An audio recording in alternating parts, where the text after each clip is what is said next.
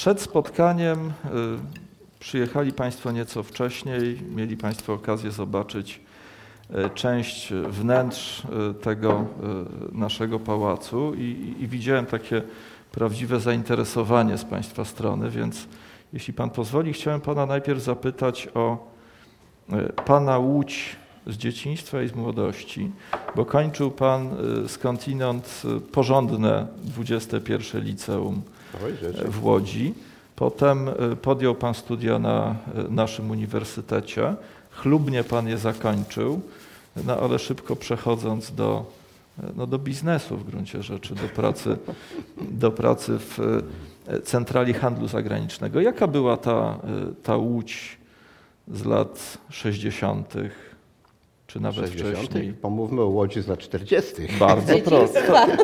To niewiele pan z tego pamięta, jak sądzę. No, dosyć, dosyć dużo. Tak? A czego nie pamiętam, to wygrzebałem w rodzinnych archiwach. E, po pierwsze, to muszę zacząć od tego, że ja nie jestem lozermenszem, w odróżnieniu od mojej żony. Ja nie jestem lozermenszem, jestem młodzianinem w pierwszym pokoleniu. Mój ojciec pochodził spod Wilna, a matka z jakiejś podkieleckiej wsi. Natomiast e, dlaczego w ogóle z Łodzią rodzina się związała? Otóż moja babka, rodzona matka mojej żony, była siostrą żony Aleksego Różewskiego, pierwszego Proszę. prezydenta miasta Łodzi. Te dwie rodziny do dzisiaj utrzymują bardzo dobre kontakty, chociaż niewiele już z tych rodzin, szczerze powiedziawszy, zostało. I mojego dziadka razem z żoną i z liczną dzieciarnią ściągnął do Łodzi właśnie Rzeski. Post znajomości, która otwiera wszystkie drzwi, jak Państwo doskonale wiedzą. Mm, także moja rodzina od strony matki w Łodzi się oparła, chociaż chyba nieliczne z dzieci w Łodzi się urodziły z tej dzieciarni. A po wojnie do Łodzi trafił mój tatunio, który trafił tu nie wiem jakim sposobem. Siedział najpierw w Oflagu, Potem z tego flagu zaciągnął się do Ludowego Wojska Polskiego, z tym, że Ludowym Wojskiem Polskim zdobył, wziął, wziął i zdobył Berlin, wcześniej przeżywszy masakrę pod Budziszynem. Potem długi czas siedział na granicy i bardzo usilnie namawiał Niemców, żeby sobie stamtąd poszli.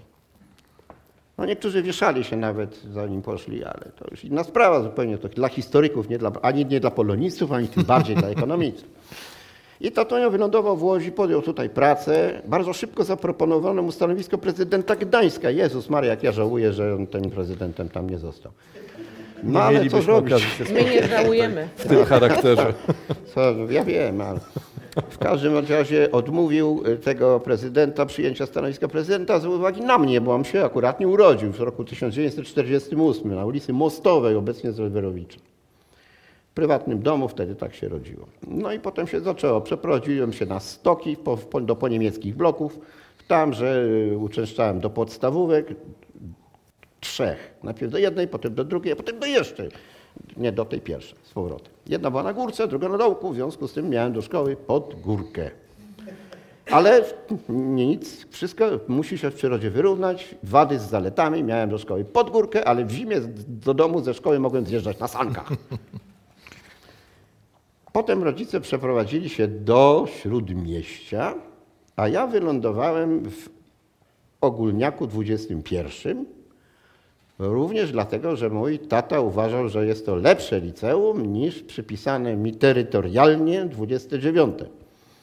I tak skończyłem to 21 liceum. Nie wiem, czy tam już przybili tablicę, czy nie. Tak, tak że, że dygresji. Proszę Państwa, późny debiut, bo rzeczywiście był on późny, miałem 40 parę lat, ma swoje zalety, bo po tym wszystkim, co Państwo tu przed chwilą usłyszeli, po tym, co ja tutaj gadam, to wie Pani, młodszy wziąłby pęk, zgłupiał, a woda sodowa wyciekłaby mu wszystkimi otworami ciała. Także póź, a mnie po moim późnym debiucie absolutnie to nie grozi. W tej chwili mam lat 71, już w ogóle te wszystkie inne sprawy praktycznie mnie nie, do, nie, dotyczą.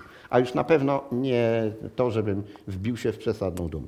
Ale wracając do naszych baranów, czyli do mnie, Rodka no z ogólniaka poszło już bardzo szybko. Ja za nic w świecie nie chciałem zostać inżynierem. Za nic w świecie. Chociaż mój tata, który skończył studia prawnicze, a został potem tak zwanym, tak zwaną, no, no i jakby to powiedzieć, zły urzędnik państwowej administracji, to jest w skrócie zupa.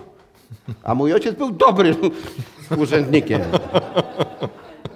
Ale wiedział, z czym to się wiąże. No po prostu z tym, że się, tak jak leśniczym, jest się niczym, praktycznie kiepsko się zarabia. Natomiast były to takie czasy, kiedy inżynier, to wiecie, krzyżował brzozę z sosną, świnie tam z małpą, zawracał Wołgę do Donu i z powrotem. W każdym bądź razie cieszył się ogólną e, estymą w społeczeństwie i zarabiał gigantyczne pieniądze. W związku z tym mój tatuń uparł się, że zrobi ze mnie inżyniera. A nie szło zrobić inżyniera z kogoś takiego jak ja, który do dzisiaj nie bardzo wie, jak to jest, że ten prąd przepływa. I faks przechodzi przez taki cienki kabel i się nie pomnie. Do dzisiaj jest to dla mnie niezrozumiałe, że pomnożyć 8 przez 9 muszę wziąć kalkulator. Także materiał ze mnie na inżyniera był żaden, a i do dzisiaj tak zostało. Ponieważ sam zielonego pojęcia nie miałem, jak zresztą chyba każdy, w wieku lat 18, czym tutaj być, na jakie studia iść, nic, zero, kompletnie. W każdym bądź razie nie Politechnika, Jezu Chryste, Boże. No i otworzyli w Łodzi handel zagraniczny na Wydziale Ekonomiczno-Socjologicznym po raz pierwszy. On się tam otworzył, to już rok 72, nie, 66, rok 66. No i mój tatunio uznał, że taki pracownik handlu zagranicznego to jest taki półinżynier a że trzeba tam znać języki. Mo, może które, być, tak? Kto, tak, to, to, a, a, te języki, które musiałbym jako inżynier wziąć i wyrzucić, bo po co mi, a ja już wtedy mówiłem w trzech i to płynnie. No więc to, te języki mi się nie zmarnują. No i w ten sposób wylądowałem na handlu zagranicznym. No, z inżynierstwem na szczęście miało to bardzo niewiele wspólnego. Z tym, co potem robiłem w pracy, jeszcze mniej, ale nie szkodzi. Trzeba jakieś studia było skończyć, tym magistrem zostać. A gdyby nie to, to dzisiaj tym absolwentem VIP-em też bym nie był, prawda? Czyli jak ktoś mnie teraz, poprzednio, jak pytano mnie, co ci dały studia, zawsze mówię, umiejętność korzystania ze źródeł. Czyli według starego dowcipu, egzamin z chińskiego, pytają studenta, jak szybko się może nauczyć. On kiedy egzamin? Prawda? To jest stary dowcip. Moją babkę za niego wyrzucili z przedszkola. No więc tak, no, z tym inżynierstwem to, to dobrze, że mnie to ominęło, bo ze mnie inżynier byłby jak z koziej tupy trąb, przepraszam, jak, no nie, powiedzmy sobie, no, żaden ze mnie byłby inżynier. No w handlu zagranicznym przepracowałem lat no, prawie ze 30, coś tak na moje oko. No były tam, prawda, wzloty i upadki, blaski i cienie różne historyjki, takie i złe, w perspektywie te pięć lat, które groziło za, za źle podjętą decyzję gospodarczą. Pewnie paragraf do dzisiaj się utrzymuje. To też mnie ominęło, a nie wszystkich z moich kolegów z pracy. Nie wszystkim tak dobrze poszło. No a potem sami Państwo wiedzą, co się stało. Nagle stał się, jak to mówimy w tej piosence Skaldów, przewrót stał się, słowo osieckiej bodajże, Przewrót stał się, no i co przewrót nam załatwił, nam, pracownikom handlu zagranicznego? Zlikwidował nam ów przewrót monopol handlu zagranicznego. W związku z tym handlem zagranicznym mógł się zajmować rak, ryba i żółw. Skutki widać do dziś. A fach, fachmanów od handlu zagranicznego, pracowników central, wzięli i wyrzucili. Nie byli nikomu do szczęścia potrzebni. Tak wszystko wszyscy myśleli. Podobnie jak dzisiaj myślą, że bez tego protokołu dyplomatycznego TS dajemy radę. E, no nie za bardzo, jak, jak widać na załączonym obrazku, ale coś trzeba, prawda, robić. W każdym bądź razie nagle zostałem z perspektywą albo podjęcia pracy u jakiegoś właśnie tego jednego, co sobie wymyślił, że będzie sam handlował za granicą albo przejścia na to, co już podówczas robiłem, to znaczy pisałem. I leciutko zaczynałem się nawet cieszyć z tych honorariusz. Nie były one takie malutkie, starczające tylko na dwie pary skarpetek i gazetę. No i powiedziałem mojej żonie któregoś razu, zostaję full-time writerem, to znaczy od dziś będę utrzymał się wyłącznie z pisania. Trzeba było widzieć minę tej biednej niewiasty. Ale to jednak właśnie lodzermensze mają to do siebie. Nie pisnęła słowa. Ale minę miała wiele mówiącą. No ale jakoś poszło, jakoś, jakoś się sustentuje z tego, co pisze. No, no, zwłaszcza co, z tego, co pisze, to nie sztuka, ale ja od ładnych paru lat nie piszę i dalej się sustentuję. To jest sztuka.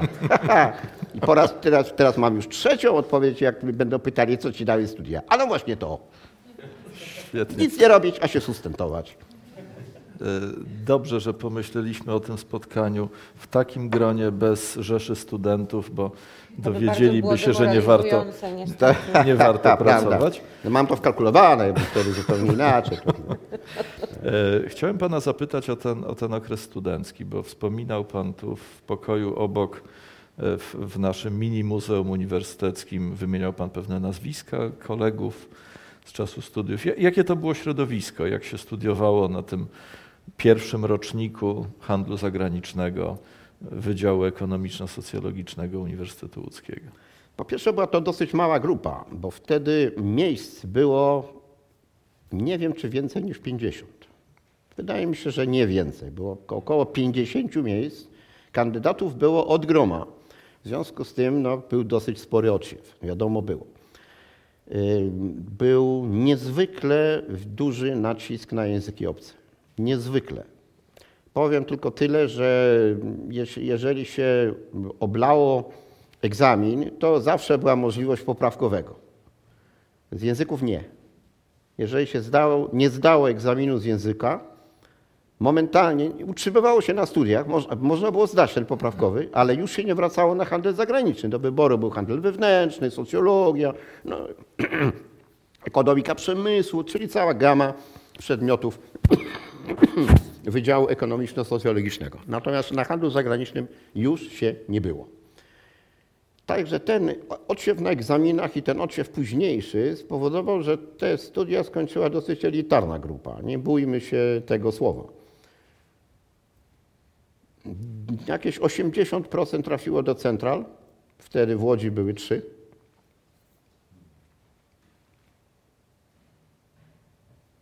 Reszta różnie. Po świecie się trochę tego towarzystwa rozjechało. Nie zapominajmy, że po drodze mieliśmy rok 68, co też nam troszkę zredukował kadrę o ludzi, którzy, że tak powiem, genetycznie byli do, zaprogramowani pod handel.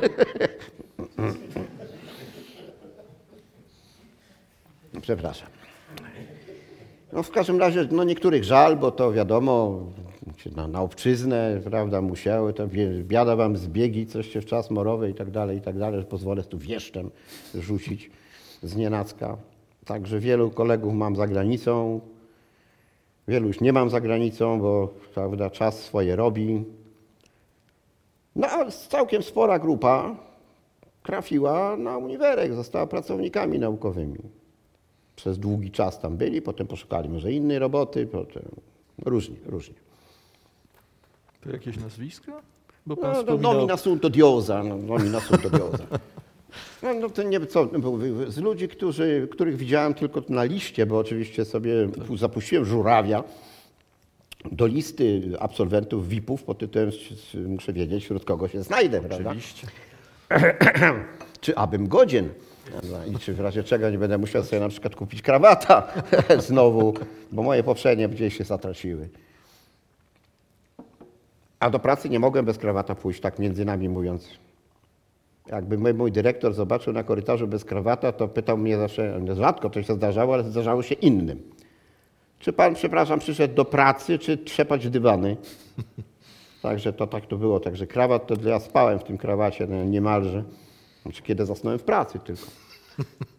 Także z jedyną osobą, którą, z którą studiowałem, a która na liście figuruje, to jest yy, Sariusz Wolski Emil Jacek Herbujelita. Z nim studiowałem. Na liście jest też Marek Belka, z którym nie studiowałem, ale w czasie studiów dobrze żeśmy się znali. Dlatego, że no, obaj działaliśmy w jakiejś organizacji młodzieżowej, dokładnie nie pamiętam już jakiej. Było ich kilka. Być może. A potem wylądowaliśmy razem w wojsku. No i więcej nie mogę na ten temat powiedzieć, dlatego że podobnie jak to, że na granicy jest strażnica, to to też jest wojskowa tajemnica.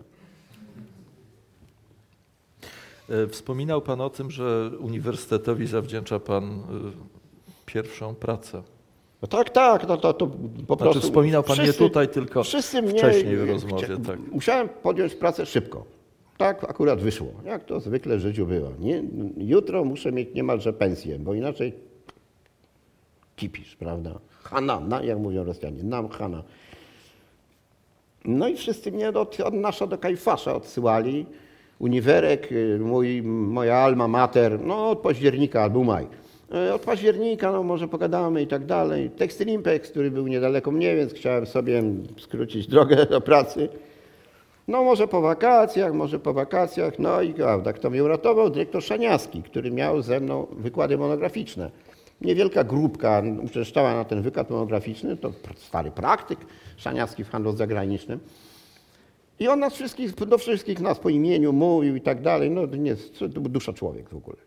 No i jak do niego zadzwoniłem, panie dyrektorze, do roboty, jutro, kochany, jutro. I w ten sposób wylądowałem w Skurimpeksie i przepracowałem tam te 30 lat. No, pod koniec pracowałem co prawda u Niemca, w spółce polsko-niemieckiej. Ale przez Skurimpeksie no, będzie 25, okrągło licząc. Mam nawet odznakę zasłużony pracownik handlu zagranicznego. Dali mi kiedyś, nie wiem za co. Chyba za wysługę lat. Panie Andrzeju, je, je, jeśli mogę, e, przemysł futrzarski. Ja zawsze sobie tak myślę, że biedne te zwierzątka, które pan tam musiał w postaci tych skórek i tych futerek i tak dalej sprzedawać, ale może dlatego tak często pan jeździł za granicę i czytał zachodnich pisarzy, bo z tego co wiem, to zaczęło się od tego, że właśnie pan miał możliwość dostępu do zachodniej literatury fantastycznej, która w Polsce była kompletnie niedostępna, albo z utrudnionym rzeczywiście To fakt, to fakt, to dostępem. fakt. No już literatura, fanta- na literaturę fantastyczną to już w ogóle papieru nikomu nie dali przy- przydziału, że to nie było łatwo. Jeszcze rosyjską fantastykę można było w Empiku kupić za tanie pieniądze, to nie była sztuka. Natomiast zachodnią, no było gorzej. W związku z tym zdarzało mi się na tych służbowych wyjazdach zapłacić potężny nadbagaż, bo książki ważą. Ale niestety nie było tak fajnie jak dzisiaj E-booki, prawda? że cała prawda, wszystko możemy mieć na e-bookach, a jak nie możemy, to sobie ściągniemy z internetu, z ruskich serwerów. O. jak się zna cyrylicę i ma się cyryliczną klawiaturę, to Dużo się znajdzie. wszystko się znajdzie. Wszystko. To tak jak z, tym, z tą bombą atomową. Stalin dowiedział się o tym, że zrzucono bombę atomową na Hiroshimę, wezwał Berię i my tak, Beria, dlaczego my tak nie mamy tej bomby atomowej? No, no bo nie mamy, no to wyszło Stalin. No to idźcie na bazar w Odessie i kupcie je, tam wszystko jest. To co było na bazarze w Odessie w takim układzie książkowym? A, Dlatego, że no, pan jest jednakowoż pierwszym, który rozpoczął w Polsce pisanie fantazji. Co prawda historycy literatury twierdzą, że pierwszy był niejaki skądinąd znany Jarosław Grzędowicz, który w 1982 roku w łódzkich odgłosach opublikował takie opowiadanie Twierdza dwóch, trzech studni. trzech studni, tak? Tak, tak. Aczkolwiek To to, prawda, taka fakt. fantastyka fantasy wymieszana z science fiction, wszystko podlane sosem alegorii politycznej, no bo to akurat stan wojenny. Ale skąd, no właśnie, jak to się stało, jacy pisarze pana zainspirowali? Mhm. Borkowska, ktoś, je- kto, nie wiem, czy Piekara wcześniej czegoś tam nie ruszył, chociaż Piekara znany był z tego, że pisał powieść całe życie. A Tak. jak mu zabrakło pieniędzy, to brał pierwsze pięć kartek z góry, sprzedawał jako opowiadanie. Natomiast ja to zrobiłem, no, następne pytanie. Co mi dały studia? Fantastyka ogłosiła konkurs na opowiadanie. No, to mówię, to trzeba wziąć ten konkurs wygrać i zgarnąć parę groszy, prawda? No, jaki, w jaki sposób wygrać ten konkurs? Ale napisać coś takiego, co nikt nie napisze. A czego nikt nie napisze? Nikt nie napisze fantasy, bo w Polsce jest nieznana. Kompletnie nieznana. W związku z tym ja napiszę fantasy i na tle wszystkich tych grafomanów, którzy tam wy- wyślą te swoje opowiadania, no to ja tutaj będę, prawda, ten jednooki wśród ślepców. Hurra, wygrałem. Czyli instynkt Lozermensza zadziałał. Wziąć to Dokładnie, strategicznie, tak? Co prawda genetycznie nie pasuje, ale, a, bo ja bardziej jestem Litwin, ale mm, czegoś tam się człowiek na studiach nauczył. No, A w pracy jeszcze więcej. No i co, napisałem to opowiadanie, zadowolony. No, trzecie miejsce zająłem, no też nieźle. Honorarium w wysokości jednej pensji, więc też nieźle. Tylko, że ja dopiero później, to z 10 lat później, dowiedziałem się, że wszyscy napisali fantasy. Wszyscy. Co zresztą mnie bardzo ucieszyło, bo to znaczy, że ja wśród wszystkich, nie tylko wśród ślepców, ale i wśród wszystkich ślepych zostałem za króla. Prawda? Nie zostałem, bo trzecie miejsce to nawet nie jest podpułkownik, prawda? Ale trzeba powiedzieć, że ten impact, to jest takie słowo, bo po angielsku jest, ale myślę, często mi się myli. Ten impact, jaki ja wywarłem na polskim rynku fantastycznym i w szczególności na fandomie i na fanach, no to on miał swój wymiar. Miał. I tylko dlatego, że się lekki huczek na temat tego Wiedźmina zrobił, to ja w ogóle pomyślałem o tym, żeby napisać drugie opowiadanie, bo wcale nie miałem zamiaru. Nie miałem tego w planach życiowych. E, Ale nie miał pan w planach życiowych w ogóle dalej pisać? Tak, Czy... nie miałem. To znaczy nie, wy, nie wykluczałem, że napiszę jeszcze jedno opowiadanie, jak jakieś inne pismo ogłosi konkurs.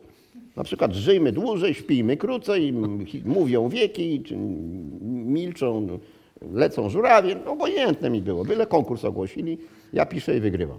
Zgarniam nagrodę, czekam na następny konkurs. No ale tu nagle, prawda, ta fantastyka no, zaczęła wywierać na mnie, że tak powiem, wpływ niejaki. Zaprosili mnie na konwent. Przeczytałem, to mówię, konwent, do, do, do, przepraszam, do klasztoru? Do żeńskiego, chętnie, ale co to jest ten konwent? No ale znowu zakojarzyłem w angielskim, no to konwent to jest taki zlot, zjazd. No fajnie, dobra, ale u nas oczywiście skopiowali to słowo, zamiast konwentykiel powiedzieć, albo sabat, albo nie wiem, jakiś tam.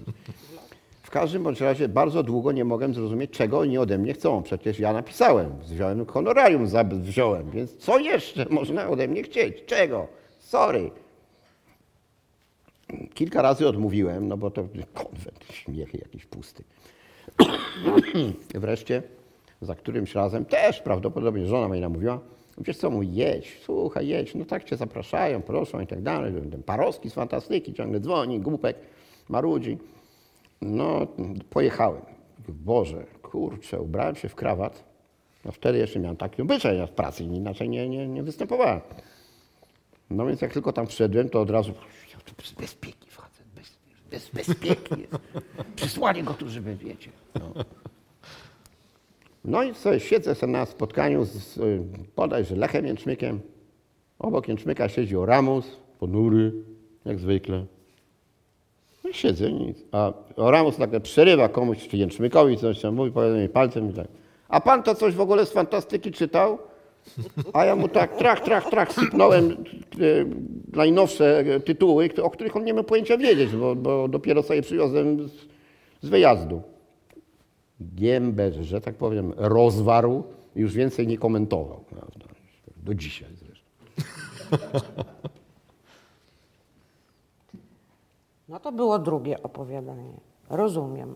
A kolejne, czyżby znowu był jakiś konkurs, który jednak się był Nie, objawił? no już Czy to tak. już była taka zadzia- głęboka zadziałał idea? Ten, tak, ten syndrom zadziałał. Chcą opowiadać, dobra. Napiszę im jeszcze jedno. No a potem przyszło wydawnictwo, Reporter się nazywało, które powiedziało, że oni chętnie zbiorą te opowiadania do kupy, a było już z tych z osiem, może, może nie wiem, sześć, coś takiego. Tomiczek taki cieniutki. Ha, ha, ludzie kochani, książkę mi wydają, książkę mi wydają. Mówię, gdyby nie to, że, że już miałem te swoje 40 na karku, to mógłbym zgupieć z, tego, z, tego, z tej sławy i szczęścia. Po prostu mógłbym zgupić. To mi bardzo mogło grozić, gdybym był odrobinkę młodszy, ale nie byłem na szczęście. No ten reporter, no ten tomik nędzny był, bo nędzny w sklepach, w księgarniach nijak go było obejrzeć. A on do dzisiaj się pojawia, co jest dla mnie straszliwą zagadką. A do dzisiaj przynoszą mi do, czasem do podpisu świeżuteńkie, nowiuteńkie egzemplarze. Z jakiejś piwnicy? Diabli, nie, nie, nie dojdę. To jedna z wielkich tajemnic bytu. Zobaczymy, czy ktoś z Państwa dzisiaj też będzie miał to wydanie właśnie. Kto wie. Zapewne z jakichś innych wymiarów te najnowsze egzemplarze właśnie docierają. E, oprócz Wiedźmina, czyli y, tomów opowiadań oraz oczywiście pięciotomowej sagi, która no moim zdaniem jest bardziej sagą o niż o Wiedźminie, ale tak się utarło mówić, jest Pan również autorem powieści historyczno-fantastycznych. E, pierwszy tom nosi nazwę Narenturm. Jaka jest różnica pomiędzy pisaniem fantastyki w Pana wypadku, czyli fantazji, która jednak jest no, dość dobrze zrobiona historycznie w tym sensie, że odwołuje się do pewnych realiów, a pisaniem takiej prawdziwej fantastyki historycznej. Czy to było łagodne przejście, naturalne, czy raczej było to coś takiego no, dla samego Pana zaskakujące? No, zaskakujące nie było, łagodne też nie było. Ja byłem wtedy właśnie po tej długiej pracy nad Wiedźminem i zacząłem się troszkę lękać, że może rutyna mnie dopaść. Tu, to, co dla pisarza nie jest rzeczą dobrą, zdecydowanie. Zbyt wielu ja czytałem, żeby nie wiedzieć, jakie są efekty rutyniarstwa. I postanowiłem zrobić coś, co nie ucieka od gatunku, bo nie zgadzam się z tym, że, że trylogia husycka zaczęta na Arenturnem nie jest fantasy. Jest, fantasy całą gębą, tylko jest innym subgatunkiem gatunku. z tym, że jak nazwa wskazuje, jest to fantasy historyczna. W związku z tym no, ta historia, pomimo licencji poetyki, na którą zawsze pisarz może sobie pozwolić, no nie może ten pisarz jednak za daleko odskakiwać prawda, od prawdy historycznej. Co innego jest lekka z nią zabawa, a co innego zaprzeczanie. Nie była to powieść typu historia alternatywna, typu co by było, gdyby Stany Południowe wygrały wojnę secesyjną, a Hitler drugą wojnę światową. Tylko, tak jak mówię, fantasy historyczna. Krótko mówiąc, książka historyczna z elementami fantastycznymi. Tak to można nazwać. Ile tych elementów powinno być, żeby była książka historyczna fantastyką? No, ludzie się tutaj spierają. Zresztą można nawiązać tutaj do znanego koktajlu martini, klasycznie to jest, prawda, 1 do 3, kobiety robią 1 do 10, a Hemingway podobno gin, do ginu wermut wkraplał. Także to zawartość kości w kości, a fantastyki, cukru w cukrze, a fantastyki w fantastyce to jest trudne do zbadania. Czy, czy krzyżowcy Kosak Szczuckiej są fantastyką? Przecież strzyga się pojawia. Duchy w oblężeniu Jerozolimy. Są czy nie są? No. Co, A pan Tadeusz, jak kto zbadał puszcz litewskich, przepasne krainy, są fantastyką? Może są, kto wie. A pani Bowary jest? No przecież taka pani Bowary nie istniała, no czysta fantastyka. Tak jak mówię, badanie zawartości cukru w cukrze jest tutaj nie, zupełnie nie na miejscu i niepotrzebne, umówmy się. Y, Jako, jako zawodowiec powiem Państwu, że ja mam prosty sposób na te rzeczy.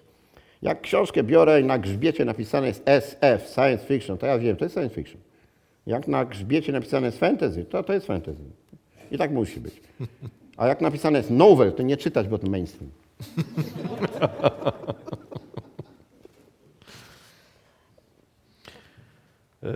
Jak bardzo trzeba się obłożyć e, różnymi źródłami historycznymi i podręcznikami, żeby ten e, element historyczny uszanować i, wprowadzić tak, jak pan Donarenturm wprowadził? Ile panu to czasu zajęło? Około trzech lat. Dzisiaj nie trzeba tego robić w ogóle, dlatego że dzisiaj tylko na dwa kliknięcia wszystko ma się z internetu. Teraz już no, niestety nawet takie erudyty jak ja, no kłania się skromność, prawda? nie powalczy. Dlatego, że ja widzę, jak czasami na sali, tu Państwa, nie, broń Boże, ale na sali siedzą z, z tym, tymi, ja coś mówię, oni tuk, tuk, tuk, tuk, tuk, i Wikipedia, prawda, mówi co innego. A, e, nie tak, to wcale nie tak. No ale to też jest i dobrze dla mnie, dlatego że ja dawniej to musiałem właśnie tych słowników, jakichś tam ksiąg, no, których w w których miałem liczne zakładki, grzebałem tym wszystkim. Musiałem to czasami, żeby, żeby pójść na łatwiznę, to zeskanować, buch z powrotem i potem na tekście pracować. Teraz buch, wszystko w komputerze. Zresztą sam, te, sam to robię, sam to robię. No, nie sięgam po słownik, tylko przechodzę na, na inne okienko.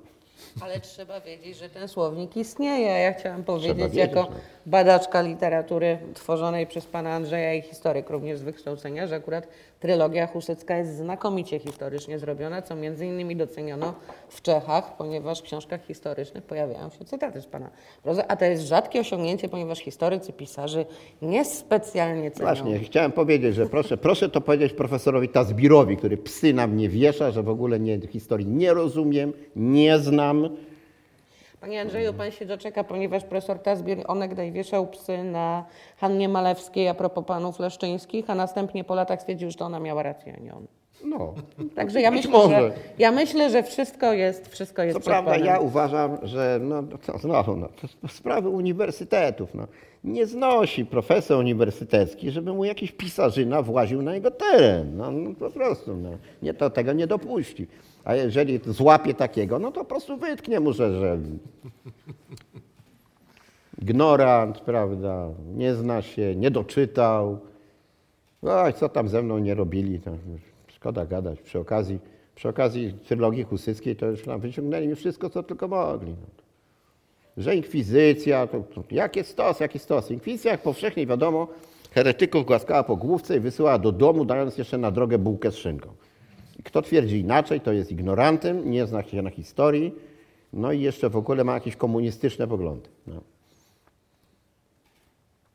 I wcale tylu nie spalono na Śląsku, na stosie, ile ja napisałem w książce. Tylko spalono znacznie mniej. A ilu tego nikt nie wie. Ale znacznie mniej. Słuchając Pana y, opinii o uniwersytetach, tak en bloc, mam nadzieję, że to nie dotyczy naszej alma mater i że tutaj tego typu e, nadętych ignorantów by Pan nie spotkał. Natomiast, kiedy czytałam sagę e, wiedźmińską wielokrotnie, a zawsze jedną z moich ulubionych kreacji jest miasteczko uniwersyteckie Oxenfurt. No tak, no to Oxford. E, No i chciałam się dowiedzieć, czy być może również zawarł Pan jakieś, że tak powiem, wspomnienia ze swoich studiów uniwersyteckich. De, tak, no ja wiem, że tutaj wchodzimy w kuchnię, ale no może uchyliłby Pan rąbka tajemnicy, czy generalnie nie No tylko Oxenfurt, ale wszystkie postaci mają jakieś... Takiego uniwersytetu jak Oxford niestety nie ma. Znaczy, nie, dobrze, że takiego nie ma na świecie i nie będzie takiego na świecie, podobnie jak nie będzie tego uniwersytetu Pratchetta, gdzie orang, orangutan był bibliotekarzem. Ale on był bardzo. e, To, proszę mi zaufać, to jest naprawdę bardzo, e, że tak powiem, e, odpowiednia kwalifikacja fizjologiczna do sprawowania tego zawodu. Też tak uważam i dlatego uważam, że prawda, że Można tutaj, książki łatwo. że z Pratchettem Nie tu jesteśmy równo. książki. niestety, już świeć Pani A- nad jego a to był rówieśnik. Wiesz, nie, Zna- dlatego, znamy że się- ludzie z znaliśmy się Biblioteki osobiście. Uniwersytetu Łódzkiego też tak sami twierdzą, że im by się takie dłuższe rączki jako orangutanowi przydały. No.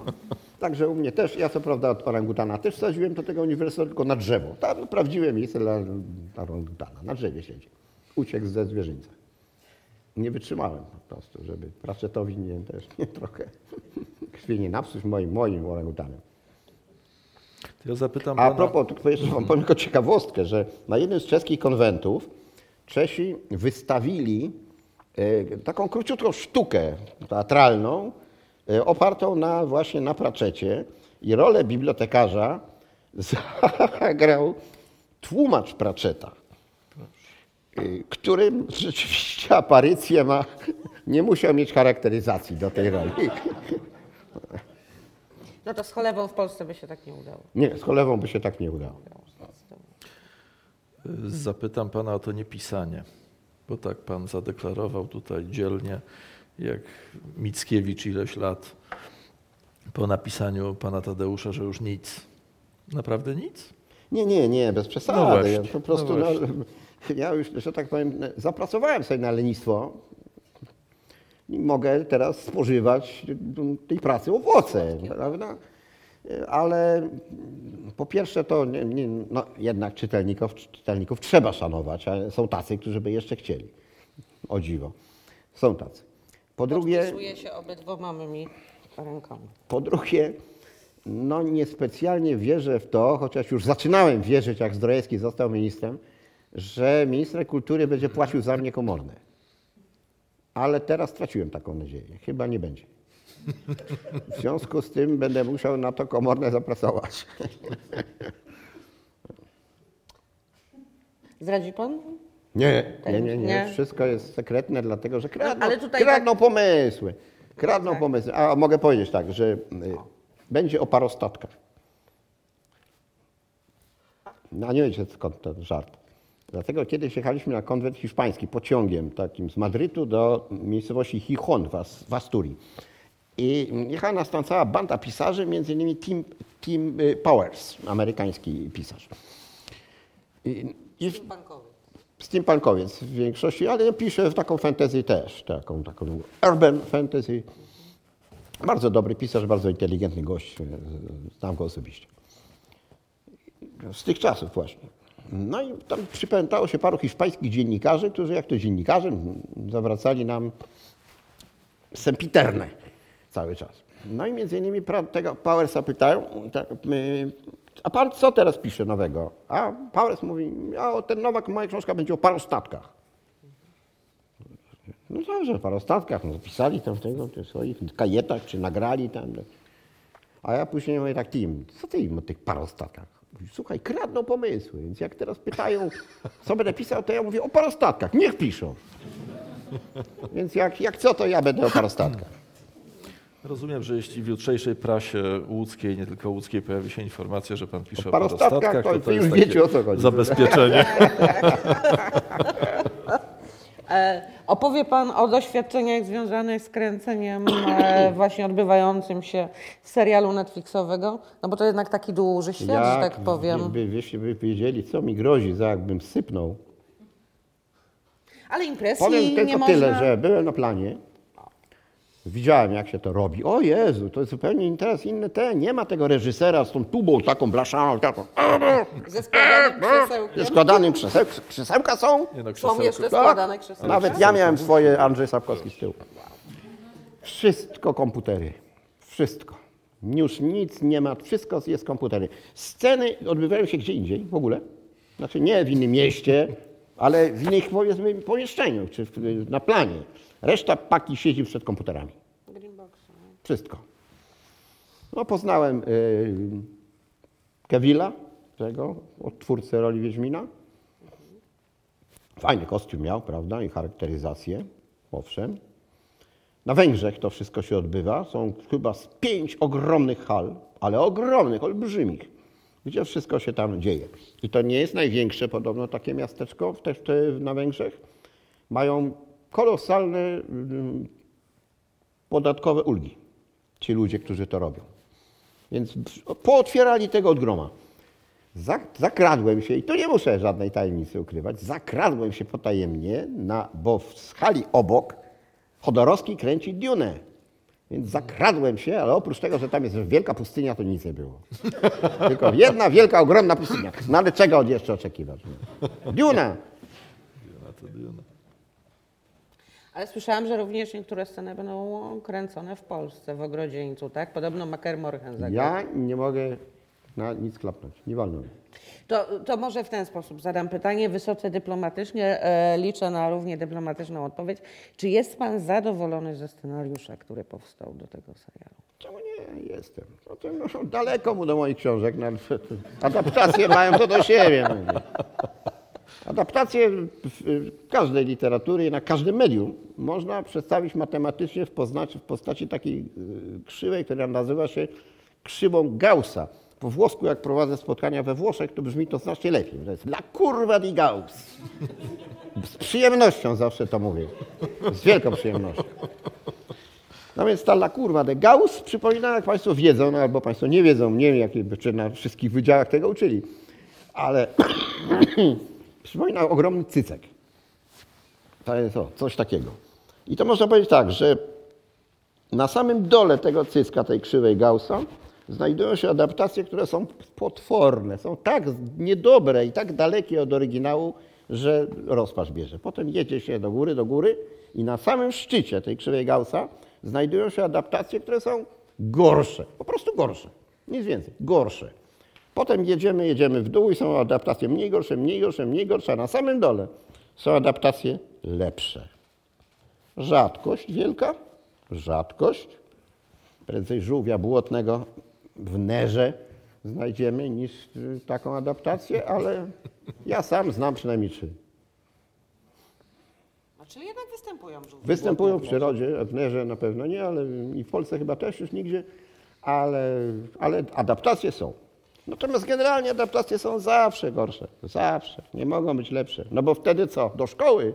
To tak jak mój, mój nauczyciel rosyjskiego powiedział mi, no dobra, stawiam ci trójkę. Dobry jesteś, dobry jesteś. Pomyślę, czy nie wysłać cię na studia do Moskwy. A to dlaczego trójkę? bo na czwórkę umiem ja, a na piątkę Pan Bóg. Myślę, że to czas, żeby Państwu dać Właśnie tak, bo okazję. rozgadałem się nie w sposób nieprawdopodobny. Ale to, to ze mną tak jest. Znaczy, ja jestem zawodowcem, biorę za to pieniądze najczęściej, więc zgadam jak A najęty. dzisiaj jabłko. No widzi pan właśnie i to takie czerwone, takie czerwone z bajeczki, to jabłko. niebezpieczna sprawa. Także tak, faktycznie, oddaję mi głos. Tutaj, Proszę Państwa, zachęcam. Vox Populi. Prosimy. Bardzo proszę. Proszę bardzo. Nie ukrywam, że od lat nurtuje mnie to pytanie. Chodzi mi o śmierć Wiedźmina. Dlaczego i dlaczego tak? W książce chyba wszystko jest jasne. Jeżeli nie, to muszę pisać jeszcze raz. W książce jest jasne. No właśnie. Skąd pomysł? A, ha, ha, ha, skąd? Nie? Co mi dały studia? Dużo pomysłów. W końcu jestem absolwentem porządnej uczelni. Jakbym mógł nie mieć pomysłów, to Boże, cofnąć mnie z powrotem na pierwszy rok. To ja zaproponuję pewną lekturę mitów arturiańskich. Wtedy wszystko stanie się jasne. Też prawda. Też prawda. A teraz już nie ma tego problemu. Kiedyś to, żeby się załapać, to Boże, to Malorego Niemcy do dziś przełożyli. Na polski? Nie? Ale ja czytałem po angielsku, to, to, to dla mnie. Bardzo proszę. Słucham, słucham. Proszę bardzo. Rozumiem, pierwsze pytanie na maszynie do pisania, tak? Bo to, to na... Oj tak. Także klap, klap, klap, klap, klap. Też, też miałem praktyki w Textimpexie, także pamiętam początku. 68 No proszę. O, to ja. No proszę. Pytanie, jak często Pan powtarzał, tak? Jak bardzo te opowiadania, które Pan napisał, bo oczywiście to było utrudnione, czy, czy, czy gdzieś tam były gotowe, czy, czy było tych kartek dużo? No było, było. Tak, też, jak można było. Ja-. Ja pisałem, w ogóle traktowałem maszynę do pisania tylko jako taki tak zwany ten finalny etap, dlatego że oczywiście dobrze znałem układy i wiedziałem, że, że w redakcjach nienawidzą takich popapranych y, maszynopisów, typu pokreślonych, pomazanych tym białkiem takim. Y, Wiedziałem, że ten maszynopis, żeby nie wylądował w koszu natychmiast, musi być ładny. W związku z tym pisałem od ręki, z ręki. I z tego, co napisałem ręcznie, za pomocą kleju i nożyczek robiłem takie kolaże, prawda? I dopiero potem z tych kolaży przepisywałem na maszynie, już starając się, żeby nie było tam ani przebitki, ani przekreślenia, już żeby to było czyściutkie i śliczne. Oczywiście mm, na początku musiałem, potem już tylko chciałem, bo już mojego maszynopisu to już musiała być fest, głupia redakcja, żeby odrzuciła. Co prawda się to też i zdarzało, a jeżeli nie, to chociaż przetrzymywali mi opowiadania po parę lat. No ale to sobie powiedzmy, spuśćmy zasłonę miłosierdzia. To se uszne wrati, jak mówią Czesi. W każdym bądź razie to, to było, było trochę tego pu- pukania w maszynę, ten sąsiad z góry walił kijem w podłogę, że ciszej tam do cholery, a tu druga w nocy, tra, tra, tra, tra, karetka, brrr, tra, tra, tra, tra, brrr. A maszyna była własna czy wypożyczona ze Skurimpexu? Nie, nie, własna, własna, Własna. własna. Kupi, kupiłem od kumpla maszynę. Pamiętam, że to była ta jest klapaczka straszna. A to taka blaszana powojenna, Taka tak? taka wie- Czy- Nie, nie, czy- nie, czy- ona czy- była czy- taka czy- mniej, mniejsza, mniejsza? mniejsza, nie, nie te ogromy, które właśnie mieliśmy w Skurimpeksie, które przypominały czołgi te 34 bardziej niż, niż maszyny do pisania. I chyba z podobnej blachy były robione. No ale to też miało swoje zalety, bo jak człowiek zmęczył się tą pracą, to jak człowiek oparł tam czoło na wałku, to nieraz godzinkę przespał. A na takiej małej to Na komputerze jest kiepsko, bo Ja wtedy jajk się może wcisnąć i niestety... o to chodzi. Poza tym na mojej klawiaturze z reguły leży kot, a on nie znosi, jak mu przeszkadzać, jak śpi.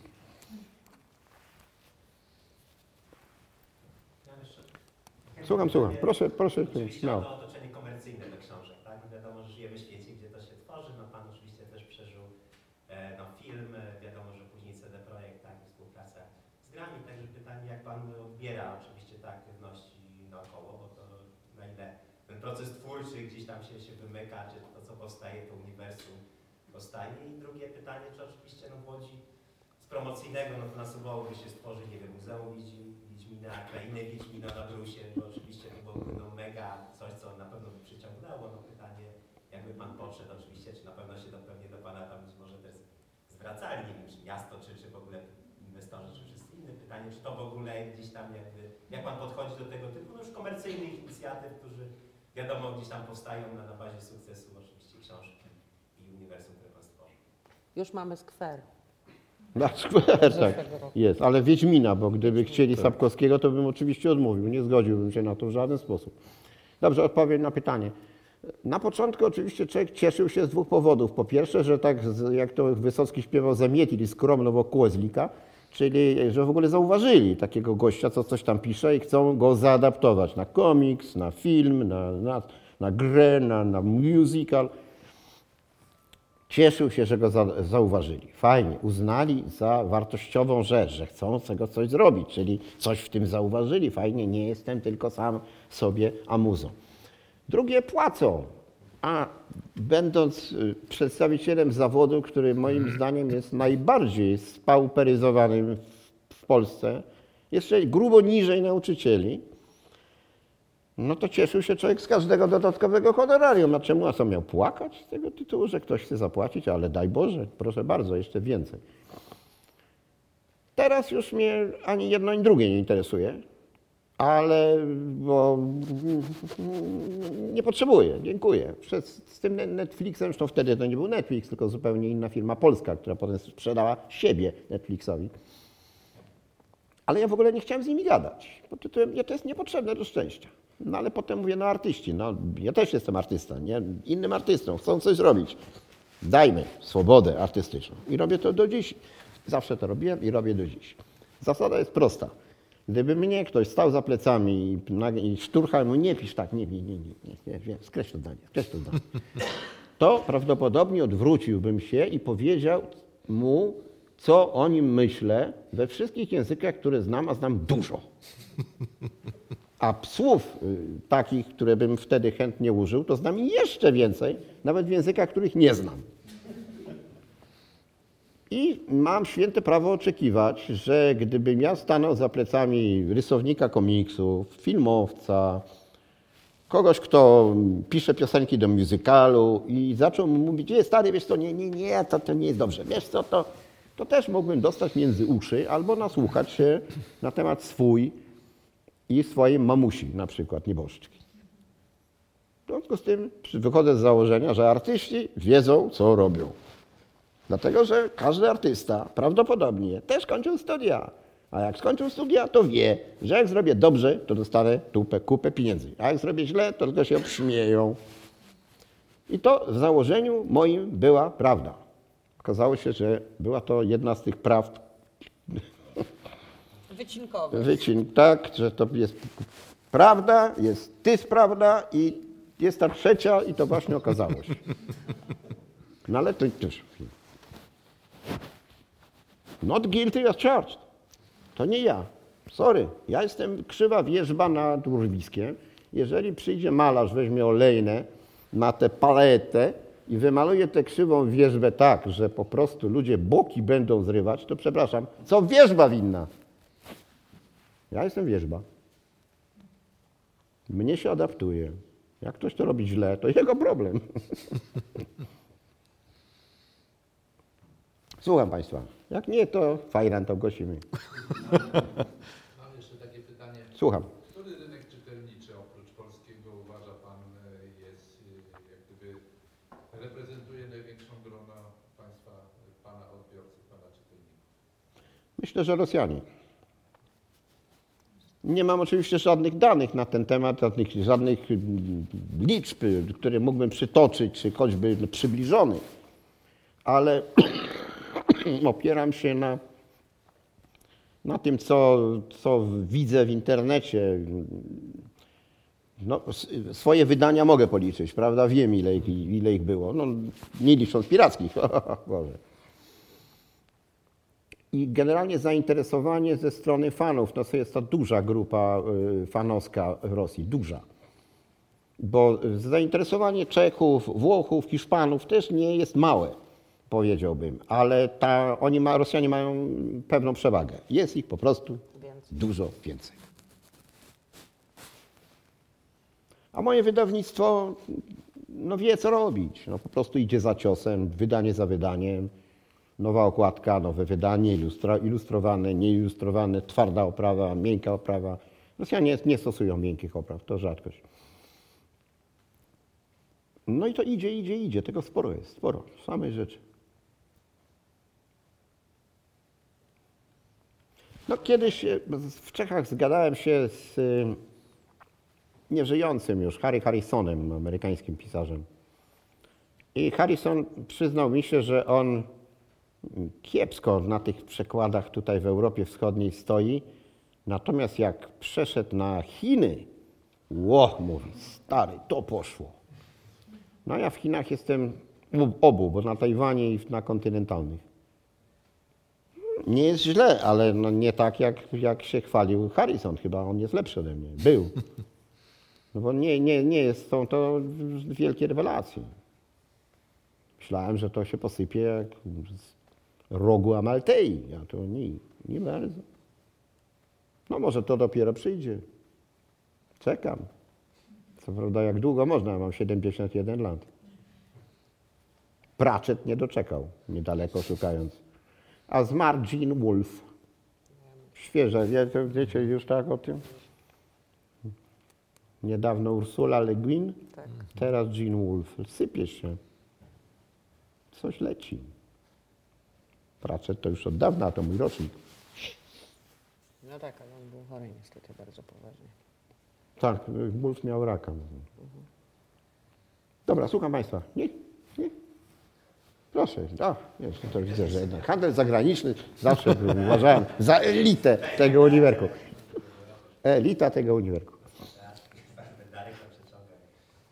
E, Mam pytanie właśnie o tłumaczenia. Czy, czy językowy pan zna, czytał pan tłumaczenia swoich książek i, i czy, czy, czy nie? I oczywiście, bo to wiadomo, że zawsze przełożenie, słownictwo, czy, czy, czy gdzieś tam jakby, jak to wygląda, tak? No to jest takie ciekawe doświadczenie autora, który czyta w innym języku, no i to jednak jakieś jest zderzenie. I czy miał pan taką okazję i jak to wyglądało, tak jak to pan opisał właśnie? Czy... Włosi mają takie dobre powiedzenie. Traduttore, traduttore. Traditore traduttore, czyli tłumacz to zdrajca. I to w większości wypadków jest prawda. No niestety są rzeczy no, nieprzetłumaczalne. Prze- należy do nich przede wszystkim humor. To jest podstawa. No ja jestem naturą raczej ekstrowertyczną i lubię się bawić. No, śmiech, to zdrowie. Więc tu mam duże problemy, że tłumacz albo się zwraca do mnie pod tytułem przepraszam, ale jak jeden z posłów, prawda, na scenę Rzeczypospolitej, co w tym jest śmiesznego? No, no ja mówię, no jest śmieszne do cholery. Ja, ja, nie widzę. No, no tak, no, Katarzyna Wielka z domu Romanow, prawda, czy jakieś czy inne niemieckie nazwisko. To jest bardzo śmieszne.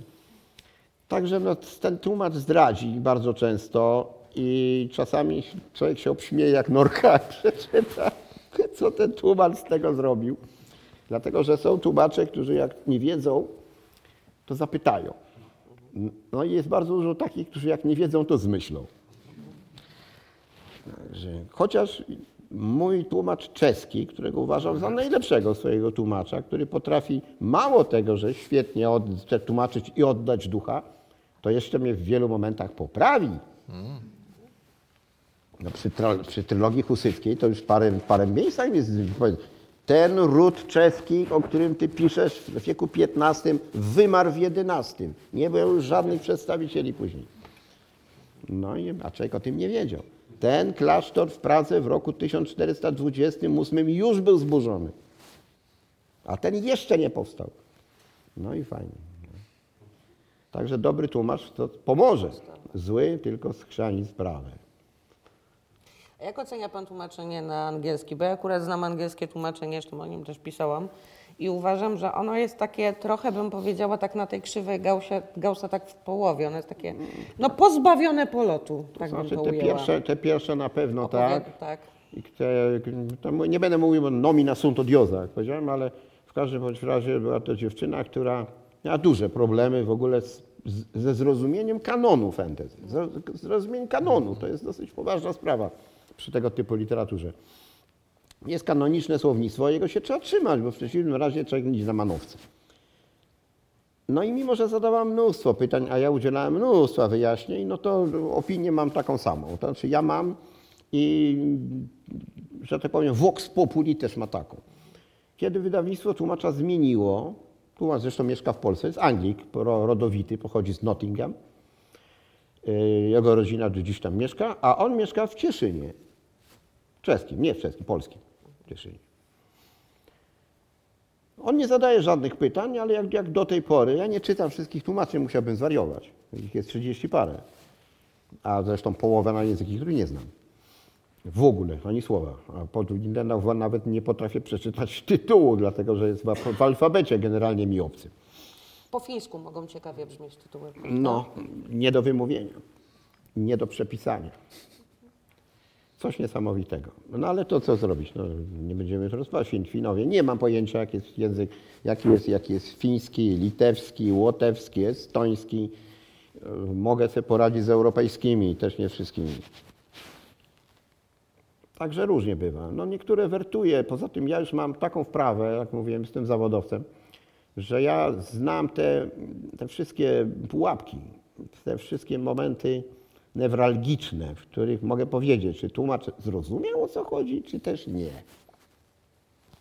Bo to nie tylko tłumaczy to dotyczy. Ja mam taki głupi zwyczaj, że używam takiego dziwnego języka czasami. Wpadam w jakąś taką manierę, zaczynam używać słów, których nikt nie zna. I mój polski wydawca z reguły poprawia te słowa. Po pierwsze, po pierwsze, że ich nie rozumie, po drugie uważa, że czytelnik nie zrozumie, w związku z tym będzie się denerwował. A jak się zdenerwuje, to nie kupi następnej książki. I będzie to cios w, ekonomikę firmy. No i się zdarza, że to i polskie wyd- wydawnictwo prawda, zrobi mi kuku, wałę. Kiedyś użyłem słowa wymiszyć. Zapewne wiedzą Państwo, że to chodzi o wykastrowanie kogoś. No jest takie, jest takie polskie słowo, rzadko używane, ale jest. No i oczywiście mój wydawca zrobił wymniszyć, to znaczy on uważał, że trzeba się w mnichy zapisać. Ale mało tego, ponieważ mój wydawca tak zrobił, to zrobiła to połowa tłumaczy.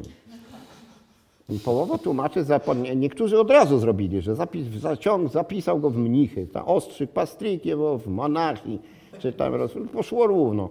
Jedyny właśnie Czech, który się nie dał nabrać, on wiedział o co chodzi. Ale no po prostu też wymniszyć, już teraz w nowych wydaniach tego nie ma, ale wtedy w tym wymniszyć, wymniszyć, wymniszyć, no to coś to, to niesamowitego. Co to jest szlemieł? Pyta mnie. Ja mówię, nie szlemieł, tylko szlemień. To jest poprzeczka od szybienicy. Tak się nazywa. A ja nie wiedziałem. Ja mówię, ja wiem. Co człowiekowi dają studia na Uniwersytecie Łódzkim?